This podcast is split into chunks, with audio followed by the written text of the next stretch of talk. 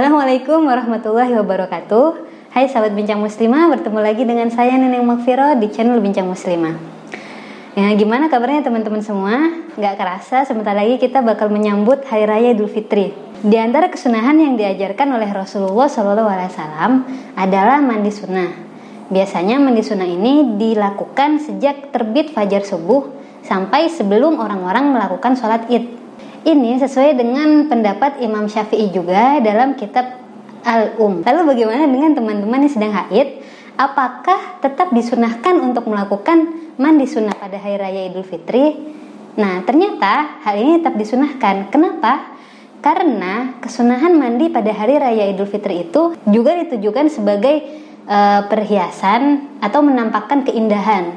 Selain itu, karena pada hari raya Idul Fitri adalah momen untuk saling bermaaf-maafan dan juga silaturahim yang mana bertemu dengan orang banyak. Hal ini sebagaimana disebutkan dalam hadis riwayat Imam Bukhari dan Muslim. An Ummi Atiyah radhiyallahu anha qalat amarona an nukhrijal awatiq wal haydha fil aidaini yashhadna al khaira wa da'watal muslimin wa ya'tazilul haydhu al musalla yang artinya dari Ummi Atiyah radhiyallahu anha berkata kami diperintahkan oleh Nabi untuk memberi izin keluar pada gadis-gadis yang mendekati balik dan haid untuk menyaksikan kebaikan dan juga doanya para orang muslimin.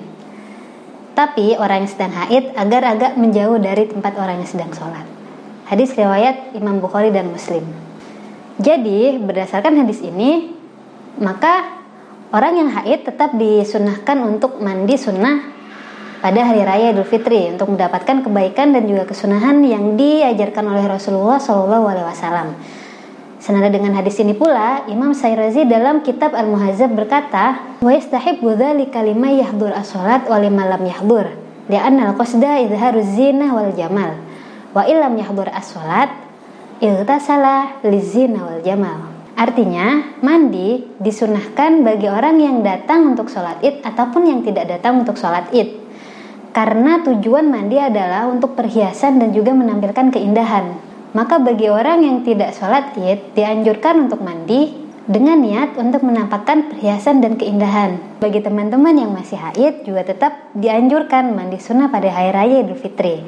Nah, adapun niatnya yaitu Bismillahirrahmanirrahim. Nawaitul ghusla sunnatan li'idul fitri lillahi ta'ala. Aku mandi dengan niat sunnah pada hari raya Idul Fitri karena Allah Ta'ala. Sekian, semoga bermanfaat. Jangan lupa mandi ya pada hari raya Idul Fitri. Assalamualaikum warahmatullahi wabarakatuh.